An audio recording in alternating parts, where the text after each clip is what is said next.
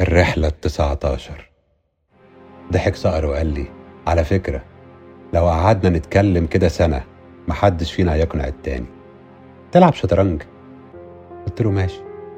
نده لحد من الرجالة وقال له هات لنا الشطرنج وهات قهوة عشان قعدتنا كده شكلها هتطول.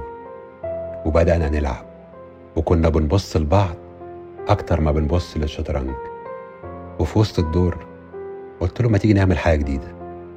قال لي خير. قلت له إحنا هنلف الشطرنج ونشوف كل واحد هيعمل إيه في الدور بعد ما التاني خطط له.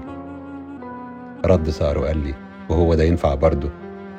يعني بعد ما عملت الأساسات والعمدان عاوزني اديلك مجهودي ببساطة كده؟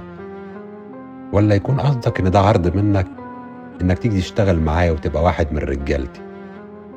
ابتسمت له وقلت له أنا لو وافقت مش هبقى من رجالتك. أنا هاخد مكانك. ودي حاجة هتبقى صعبة عليك. صقر رفع حاجبه وملامحه بقت كلها غضب. قلت له روق كده. أنا عارف إنك مش متعود تسمع الكلام ده من الناس اللي حواليك. بس أنا مش منكم. يعني ولا هجاملك ولا أنت هتجاملني. موافق نبدل الأدوار في الشطرنج ولا صعب عليك؟ رد صقر وقال لي أنا خايف عليك بس. لو بدلنا الأدوار ما تفهمش الخطة بتاعتي قلت له يا سيدي أدينا بنلعب وبنضيع وقت.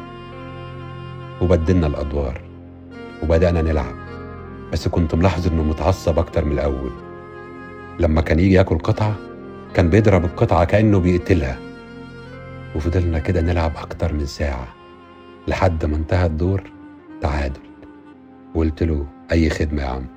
أهو حبايب أهو. سبتك تتعادل معايا النهارده؟ وهي بداية تعارف وبعد شوية قال لي تعالى نرجع الكهف وبكرة نكمل كلامنا. ورجعنا الكهف وكل واحد قعد مع نفسه. كنا قاريين دماغ بعض أكتر ما كنا نتصور. وعدت الليلة الأولى بسلام ورجعت للحبس تاني.